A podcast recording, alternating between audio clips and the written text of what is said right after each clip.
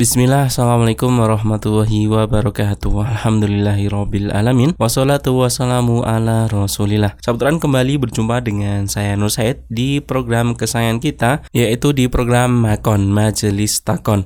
Yang mana pada kesempatan kali ini Insya Allah kita masih akan membahas Pertanyaan seputar uh, bagaimana sikap kita ketika menghadapi himbauan untuk memboikot barang-barang atau juga produk-produk tertentu dari pihak yang telah melecehkan Rasulullah Shallallahu Alaihi Wasallam. Dan sahabat telah hadir pada kesempatan kali ini, yaitu narasumber utama kita yaitu Syekh Isam Abdul Qadir Abdul Aziz dan juga muntarjem pada kesempatan kali ini adalah Ustadz Abdul Mujib Jauhar. Dan sahabat Quran mungkin langsung saja kita serahkan waktu secukupnya kepada beliau Ustadz Abdul Mujib Jauhar untuk memandu acara kita pada kesempatan kali ini.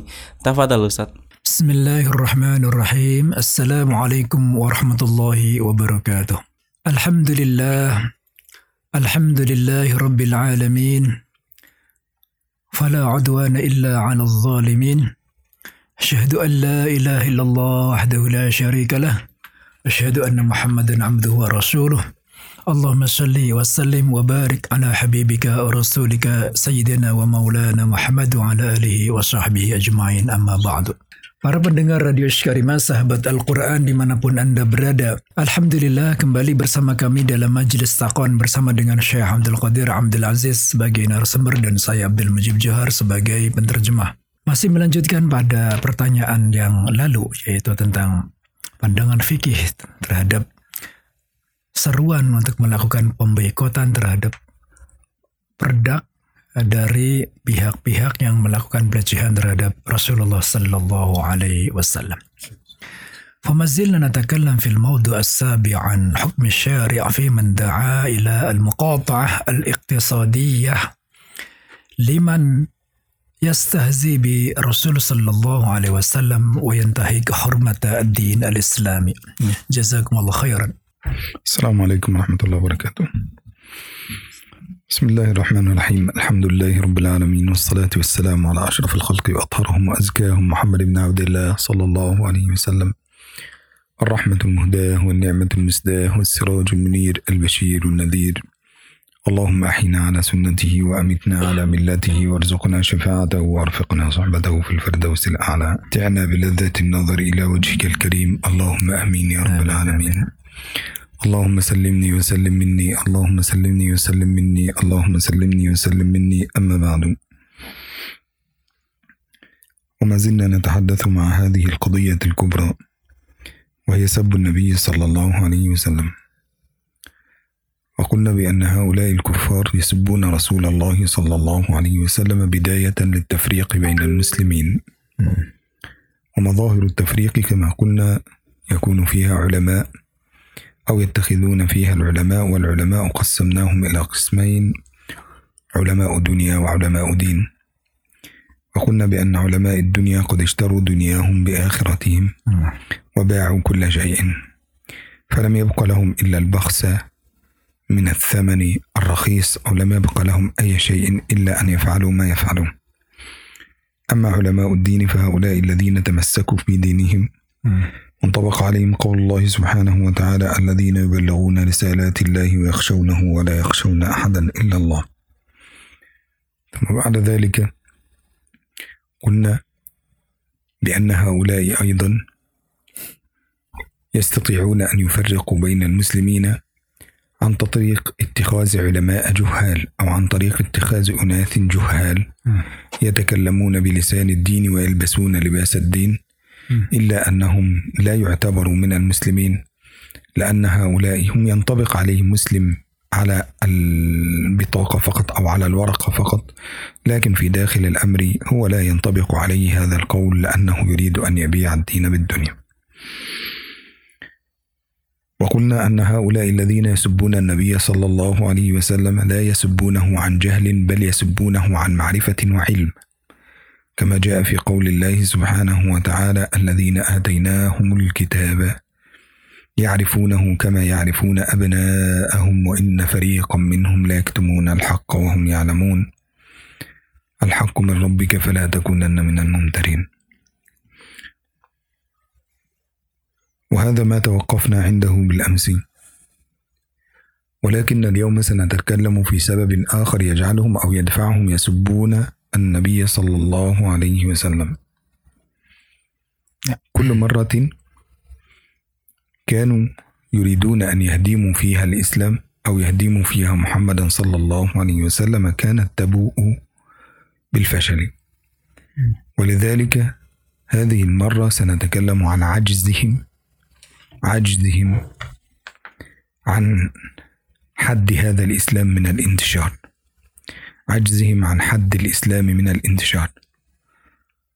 فالمرض المعضل لهؤلاء أو لهؤلاء الكفرة أنهم لا يستطيعون أن يمنعوا الناس من الدخول في الإسلام. فكل الديانات تقل إلا الديانة الإسلامية. في هذه السنة تجد عدد المسلمين مليار مثلا. السنة التي بعدها تجد عدد المسلمين مليار ومئتين. السنة التي بعدها تجده ليس أقل بل يزيد. ولذلك فإنك ترى الكنيسة الأوروبية أو ما أو غيرها من الكنائس يقومون بعمليات التنصير والتبشير التي تقوم إلى دفع الأموال إلى الناس وخاصة الفقراء المعدمين. بدفع الأموال وبدفع آه وبتكلفة بالتكلفة المعيشية كاملة حتى يترك الإسلام ويدخل في التنصير Bismillahirrahmanirrahim. Kita masih membahas pada permasalahan yang besar, yaitu permasalahan mencela atau mencaci Rasulullah Sallallahu Alaihi Wasallam. Dan bahwasanya perbuatan itu, ya, perbuatan ini, yaitu perbuatan mencaci Rasulullah Sallallahu Alaihi Wasallam yang dilakukan oleh orang-orang Yahudi ini bertujuan untuk memecah belah kaum muslimin. Di antara cara memecah belah kaum muslimin adalah dengan uh, membujuk ya, ulama-ulama ulama-ulama kaum muslimin. Yang dimaksud dengan ulama di sini adalah orang yang ahli dalam agama Islam. Orang yang mempunyai pengetahuan tinggi dan berpendidikan tinggi ya, dalam bidang syariat, bidang agama Islam.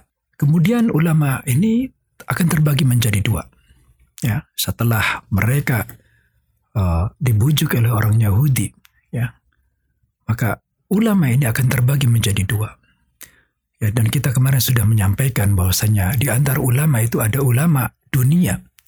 Ulama dunia ini adalah ulama yang menjual agamanya dengan dunianya. Menjual agama dengan dunianya. Ya, dengan harga yang sangat murah sekali. Agama yang dijual ditukar dengan uh, imbalan materi duniawi yang tidak ada artinya. Sedangkan mereka ulama akhirat, ya, ulama akhirat adalah ulama yang betul-betul berpegang teguh kepada ajaran Islam. Mereka yang mempunyai khirrah, yang mempunyai pembelaan tinggi terhadap agama Islam. Mereka itulah yang Allah Subhanahu wa taala katakan alladzina yuballighuna risalatillah wa yakhshawnahu wa la yakhshawna ahadan illallah alladzina yuballighuna risalatillahi mereka orang-orang yang menyampaikan risalah Allah wa dan mereka juga takut kepada Allah wa ahadan dan mereka tidak takut kepada siapa pun selain kepada Allah Subhanahu wa taala. Ya, kemudian ya orang-orang Yahudi ini juga memperalat sebagian unsur-unsur orang yang bodoh ya ya sebagian unsur-unsur orang yang bodoh yang mengklaim diri mereka yang mengaku bahwasanya diri mereka itu adalah orang yang ahli agama orang yang uh, seorang ulama katakanlah mereka mengaku seorang ulama mereka mengaku seorang ahli agama ya tapi mereka sebenarnya adalah orang-orang yang bodoh ya jadi kemudian lab Islamnya hanya labelnya saja, hanya secara zohir saja. Ya, tetapi secara hukum sebenarnya mereka itu tidak layak menyandang gelar sebagai Muslim. Ya. Orang-orang Yahudi meralat orang-orang demikian ini untuk menyebarkan apa? Pikiran-pikiran yang sesat, pikiran-pikiran yang nyeleneh kepada kepada kaum muslimin. Ya.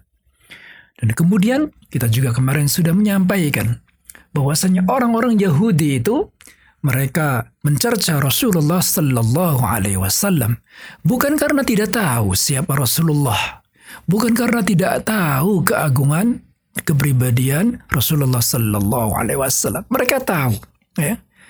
Bagaimana Al-Quran katakan, الذين آتيناهم الكتاب يعرفونه كما يعرفون أبناءهم وإن فريقا منهم ليكتمون الحق وهم يعلمون الحق من ربك فلا تكونن من الممترين الذين آتيناهم الكتاب mereka orang-orang yang Allah berikan kepada mereka kitab yaitu kitab Injil, kitab Taurat Ya'rifunahu kama ya'rifuna abna'ahum. Mereka itu betul-betul mengetahui ya mengetahui persis ya, Nabi Muhammad itu. Mereka tahu persis. Ya'rifunahu kama ya'rifuna abna'ahum. Sebagaimana mereka mengetahui anak-anak mereka. Wa inna fariqam minhum la yaktumuna al-haqqa wa hum ya'lamun.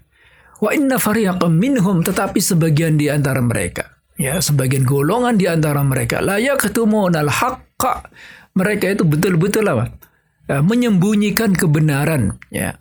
Wahum ya'lamun. Padahal mereka mengetahuinya. Al-haqqu min rabbika fala takunanna minal mumtarin. Sedangkan kebenaran hak itu adalah dari Tuhanmu, maka janganlah kalian termasuk orang-orang yang ragu. Kemudian di sana ada sebab lain. Sebab lain kenapa orang-orang Yahudi ini mencerca, mencela Rasulullah Sallallahu Alaihi Wasallam. Ya, mereka menyadari ya bahwasanya mereka lemah, mereka tidak mampu untuk untuk membatasi ya atau untuk menghalang-halangi tersiarnya Islam. Hari demi hari, tahun demi tahun, jumlah kaum muslimin ini semakin meningkat. Ya, seluruh agama ini ya, pengikutnya berkurang kecuali Islam ya semakin bertambah, semakin bertambah ya. Uh, hari ini ya diperkirakan lebih dari satu miliar ya kau apa penduduk dunia ini beragama Islam. Diperkirakan nanti ya, sama akan meningkat sampai 200 juta lagi. Satu miliar sampai 200 juta. Oleh karena itu mereka melakukan gerakan misionaris ya, melakukan gerakan misionaris yaitu apa? Kristenisasi melakukan mereka melakukan gerakan kristenisasi ke dunia Islam. Dengan apa? Dengan memberikan uh, uang, ya, dengan memberikan bayaran, dengan memberikan dana ya, kepada orang-orang Islam yang sedang ditimpa kesusahan tersebut dengan tujuan agar mereka apa? Agar mereka keluar dari Islam dan menjadi Kristen. وبالتالي فإن الحركات التنصيرية لم تتوقف في يوم من الأيام وذلك خوفا من المسلمين.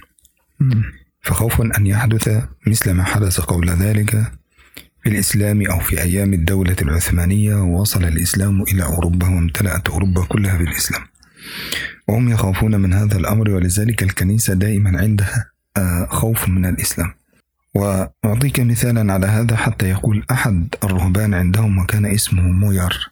موير يقول إن سيف محمد أي سيف الرسول صلى الله عليه وسلم إن سيف محمد والقرآن هم أشد الأعداء للعالم كله. سبحان الله ما الذي فعل له هذا القرآن؟ لو أنت نظرت القرآن فالقرآن يدعو إلى التسامح ويدعو إلى الرحمة ويدعو إلى الشفقة ويدعو إلى الحلم ويدعو إلى المؤاخاة ويدعو إلى الدعوة بالحسنى ويدعو إلى كل شيء. فالإسلام هو الذي حفظ لهم حقوقهم وهو الذي أعطاهم ما يريدونه هو الذي جعلهم من أهل الذمة وهو الذي نهى عن قتلهم. إذا لم يقاتلوا وأمر بقتل المحاربين هكذا. لكنهم من شدة كرههم. فسبحان الله حبك للشيء يعميك ويصمك وكرهك للشيء يعميك ويصمك. فأنت لو تكره شيئا مهما سمعت عنه فلا يمكن أن تحبه أبدا لأنك قد أصبت بعمى القلب وعمى القلب هنا لا يمكن أن يداوى بدواء. ولذلك هؤلاء لو رجعنا إلى تاريخهم القديم أو هؤلاء اليهود أو النصارى أو الكفار أو هؤلاء لو رجعنا إلى تاريخهم القديم فهي بنا نرجع إلى تاريخ الكفار حتى نعرف هذه القضية قائمة منذ منذ زمن منذ زمن النبي صلى الله عليه وسلم.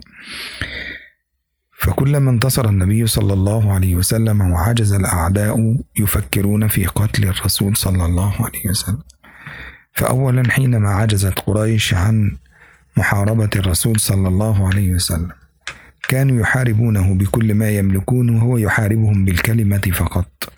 ليس معه إلا الكلمة وفي هذا الوقت وصغار الناس. يعني ليس معه إلا الكلمة وصغار الناس. مثاله مثل نوح عليه السلام. أنؤمن لك واتبعك الأرذلون؟ كذلك أيضا محمد صلى الله عليه وسلم. كان معه من الناس قليل من الوجهاء. والأراذل الذين مع محمد صلى الله عليه وسلم كانوا كثير جدا. فكانوا من العبيد وكانوا من الضعفاء وكانوا من الفقراء. يعني لا يستطيعون أن ينصروا رسول الله بل إن رسول الله هو الذي يحتاج منهم النصرة وهم يحتاجون أيضا النصرة من رسول الله. فلا رسول الله يستطيع أن ينصرهم ولا هم يستطيعون أن ينصروا رسول الله إلا أن الله ناصرا دينه ومعزا نبيه صلى الله عليه وسلم. وبناء على ذلك بدأت قريش تتهم رسول الله صلى الله عليه وسلم بكل الاتهامات فاتهمته بالسحر واتهمته بالجنون واتهمته بأنه يريد منصبا واتهمته بأنه يريد جاه واتهمته بالكهانة واتهمته بالشعر واتهمته بكل الأوصاف التي يمكن أن يوصف بها بشر.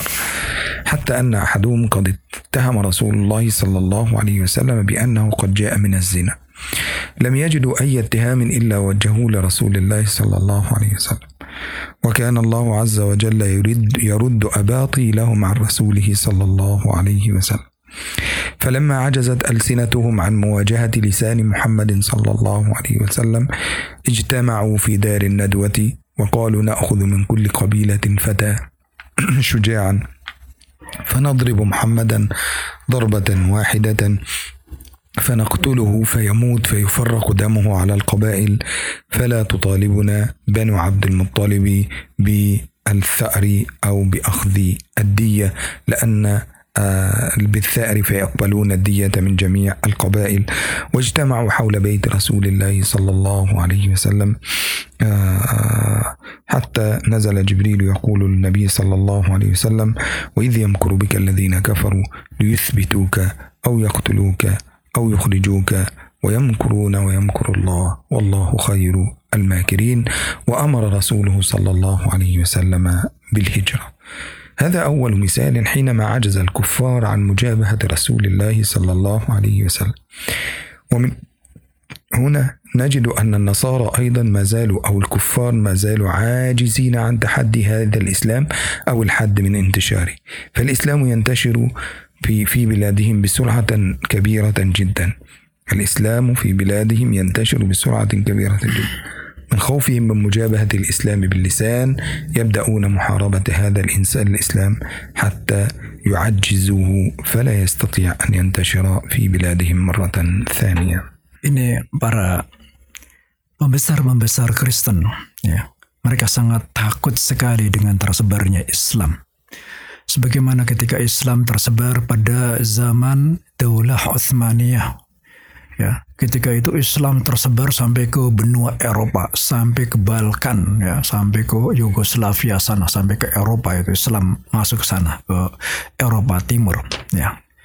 Demikianlah mereka sangat ketakutan sekali. Ya, Pausnya juga sangat ketakutan sekali. Kemudian berkata salah seorang di antara mereka, pembesar di antara mereka, yaitu yang bernama Muyar.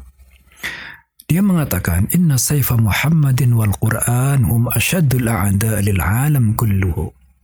Sesungguhnya pedangnya Muhammadnya dan Quran itu adalah musuh yang paling nyata bagi dunia secara keseluruhan. Bagaimana Al-Quran kok dikatakan musuh? Padahal Al-Quran itu menyerukan kepada perdamaian. Padahal Al-Quran itu ya, mengajarkan untuk memberikan maaf. Padahal Al-Quran itu menyeru untuk berbuat baik. Padahal Al-Quran itu untuk menyeru untuk menolong orang. Ya. Demikianlah karena kebencian mereka terhadap Islam. Sehingga kebaikan apa pun ya mereka tidak akan bisa mengenalinya. Ya jadi kebencian seseorang ya akan membuat buta ya menjadikannya buta terhadap yang dibencinya dan kecintaan seseorang juga demikian. Sebagaimana kecintaan bisa membuat seseorang buta, demikian juga kebencian itu bisa membuat orang orang buta. Anda sudah benci sekali sama seseorang, ya, sama seseorang, ya, maka Anda akan benci sama orang tersebut. Bagaimana? Oh, bagaimanapun orang itu baiknya ya bagaimanapun orang itu baiknya tapi kalau anda itu penyakit ada penyakit di hati. Kalau anda ada penyakit di hati ya penyakit kebencian maka tidak akan bisa mengenal kebaikan orang itu. Demikian juga sebagaimana kecintaan kecintaan terhadap seseorang ya maka akan membuatnya buta ya dia akan memandang seseorang yang dia cintai itu semuanya adalah baik. Bagaimanapun meskipun bagaimana buruknya tapi yang buruknya itu hilang. Karena apa? Karena dibutakan oleh kecintaan. Ya. Demikianlah orang-orang kafir tersebut ya. Ya, mereka merasa benci terhadap Al-Quran, mereka benci kepada Rasulullah Sallallahu Alaihi Wasallam.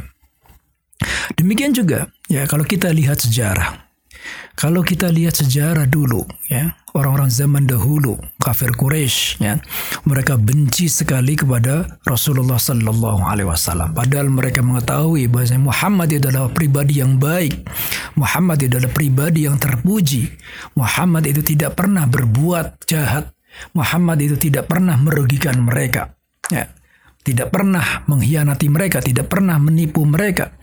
Tapi karena sudah kadung bencinya kepada Rasulullah Sallallahu Alaihi Wasallam, maka mereka tidak bisa mengenal kebaikan. Demikian juga mereka berusaha untuk uh, apa membatasi, ya, untuk menghalang-halangi tersiarnya Islam agar tidak masuk ke negeri mereka. Ya, tapi mereka mereka juga tidak bisa. Oleh karena itu mereka berpikir ya jalan terakhir adalah mereka harus membunuh Rasulullah Sallallahu Alaihi Wasallam. Ya. Dengan bagaimana mereka cara membunuh Rasulullah Sallallahu Alaihi Wasallam? Ya, yang bisa mereka lakukan adalah pertama kali dengan apa pembunuhan karakter. Ya, pembunuhan karakter. Jadi Rasulullah ini dituduh sebagai tukang sihir, dituduh sebagai dukun, dituduh sebagai dongeng, dituduh sebagai segala macam ya apa yang terlintas di dalam pikiran mereka ya untuk menuduh Rasulullah Sallallahu Alaihi Wasallam akan mereka lemparkan itu kepada kepada Rasulullah Sallallahu Alaihi Wasallam.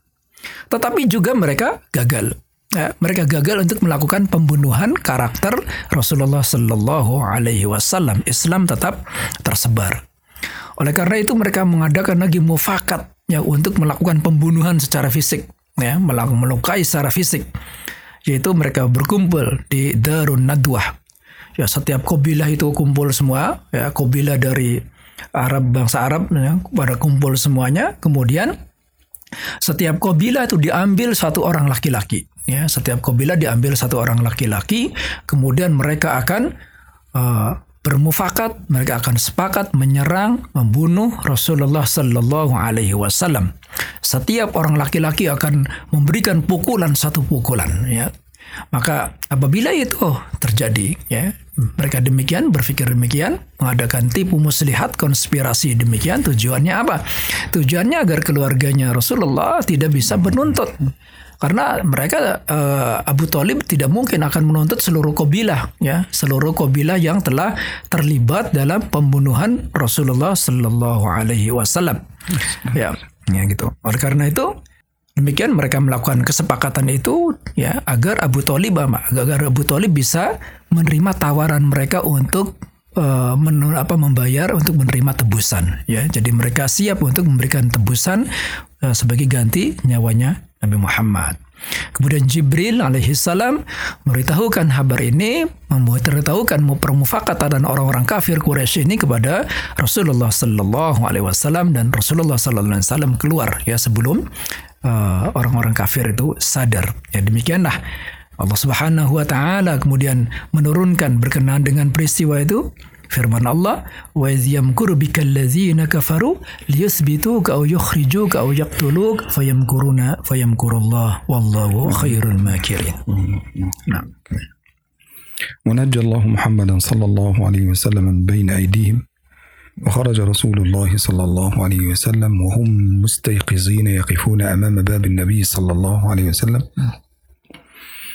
ولم يستطيعوا أن يقتلوا محمدا صلى الله عليه وسلم ولم تغفل عينهم لحظة واحدة.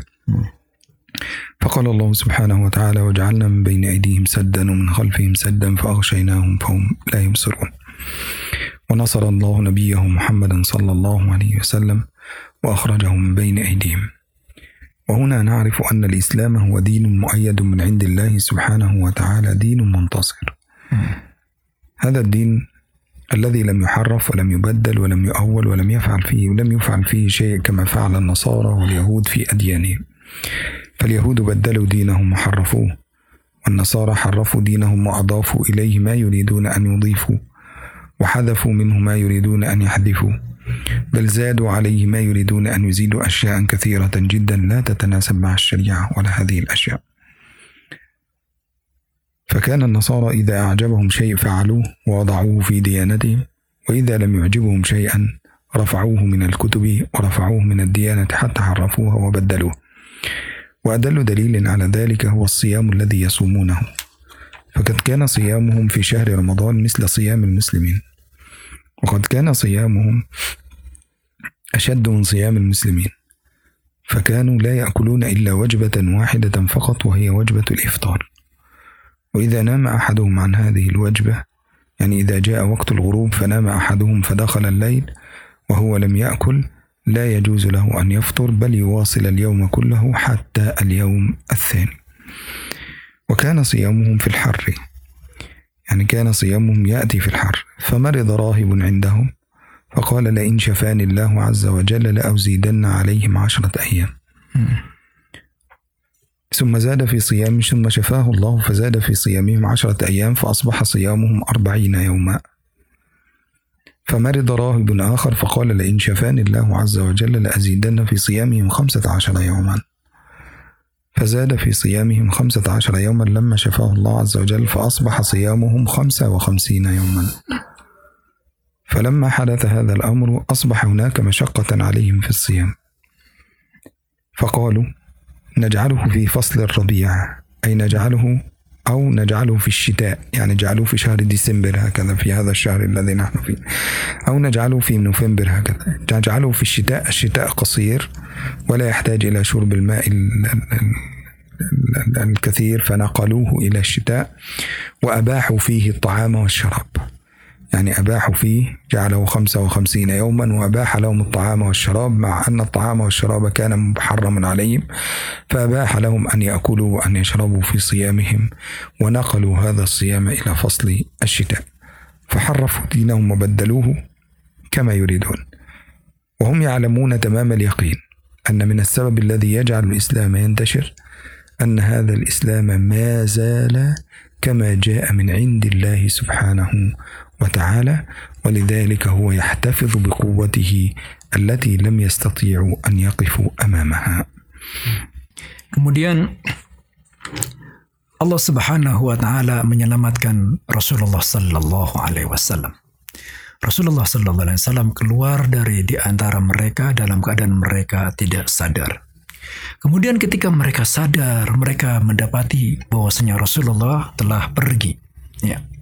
Demikianlah Allah Subhanahu wa taala menyelamatkan beliau ya Allah Subhanahu wa taala berfirman waja'alna min baini aydihim sadda wa min khalfihim sadda faghshaynahum fahum la yubsirun وجعلنا من بين أيديهم سدا ومن خلفهم سدا فغشيناهم فهم لا يبصرون. Jadi kesimpulan ayat ini adalah maksudnya Allah menutup ya dari belakang mereka, dari depan mereka, dan kemudian menghalang-halangi pandangan mereka sehingga mereka tidak bisa melihat dan tidak bisa uh, menyadari kepergian Rasulullah Sallallahu Alaihi Wasallam.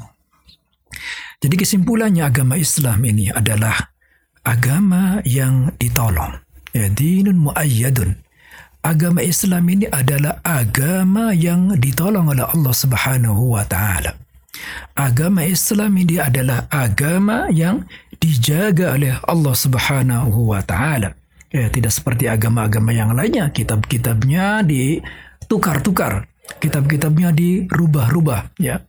Apabila mereka mendapatkan sesuatu yang uh, membuat mereka tuh senang, buat mereka tuh kagum, ya, mereka langsung masukkan bahwasanya mereka langsung masukkan itu dalam ajaran um, agama mereka, ya bid'ah lah yang membuat bid'ah yang sangat uh, sesat sekali ya ada sesuatu yang bagus menurut pandangan mereka kemudian mereka anggap itu uh, mereka jadikan itu syariat di dalam agama mereka Kemudian ada ajaran yang tidak bagus yang tidak uh, mereka sukai di dalam agama mereka. Mereka tidak segan-segan untuk menghapusnya.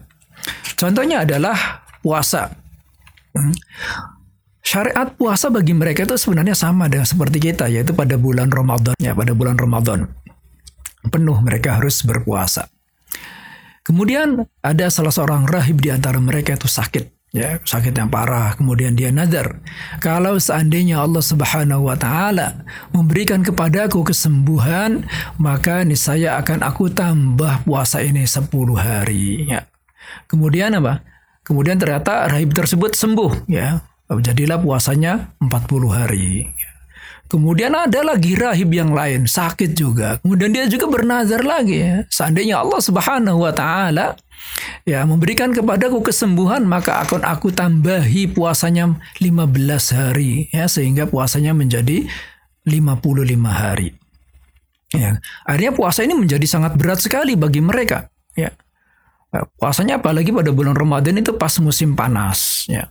Maka oleh karena itu mereka menjadikan puasanya pada musim semi ya. Kemudian mereka tidak mempermasalahkan makan dan minum ya pada buah apa ketika mereka puasa padahal makan dan minum ini ya dilarang juga dalam agama mereka agama mereka ketika mereka puasa ya. Kemudian lebih dari itu ya ketika mereka puasa ya puasanya itu lebih berat lagi sudah puasanya itu berat karena apa karena tidak ada perintah untuk sahur tidak boleh sahur ya Kemudian apabila seorang ketiduran, ya malam harinya ketiduran tidak sempat buka, maka dia tidak boleh buka ya sampai kemudian dia buka pada hari yang berikutnya atau hari yang kedua ya demikianlah kemudian ditambah lagi puasanya menjadi 55 hari kemudian akhirnya mereka rubah-rubah puasa tersebut dari bulan Ramadan ke bulan yang lain yang sesuai dengan musim semi atau musim dingin ya sehingga harinya itu tidak uh, waktu siangnya itu tidak tidak lama dan suasananya tidak begitu panas. Kemudian setelah itu mereka juga masih makan-makan dan minum-minum ya. Demikianlah mereka merubah-rubah agama mereka. Dan ketika dia melihat Islam, dia menyadari agama Islam ini tersebar karena agama Islam ini masih asli.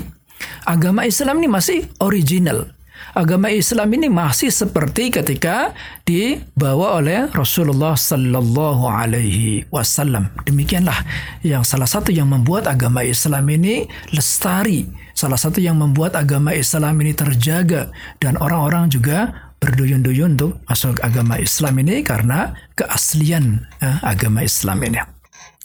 Para pendengar radio Karimah sekalian yang berbahagia, ya demikianlah kajian kita pada hari ini. Mudah-mudahan bermanfaat dan insya Allah akan kita lanjutkan kembali pada sesi majelis takon yang berikutnya. Mudah-mudahan Allah Subhanahu wa taala masih memberikan kesempatan kepada kita untuk kembali berjumpa pada majelis takon yang akan datang. Jazakumullah khairan atas perhatiannya. Assalamualaikum warahmatullahi wabarakatuh. Waalaikumsalam warahmatullahi wabarakatuh. Dan uh, sahabat Quran uh, demikian tadi uh, majelis takon pada kesempatan kali ini.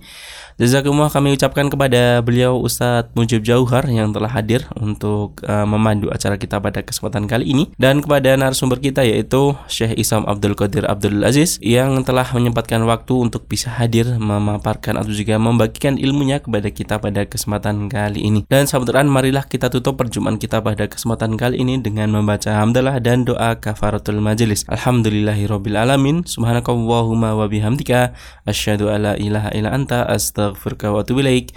Wassalamualaikum warahmatullahi wabarakatuh.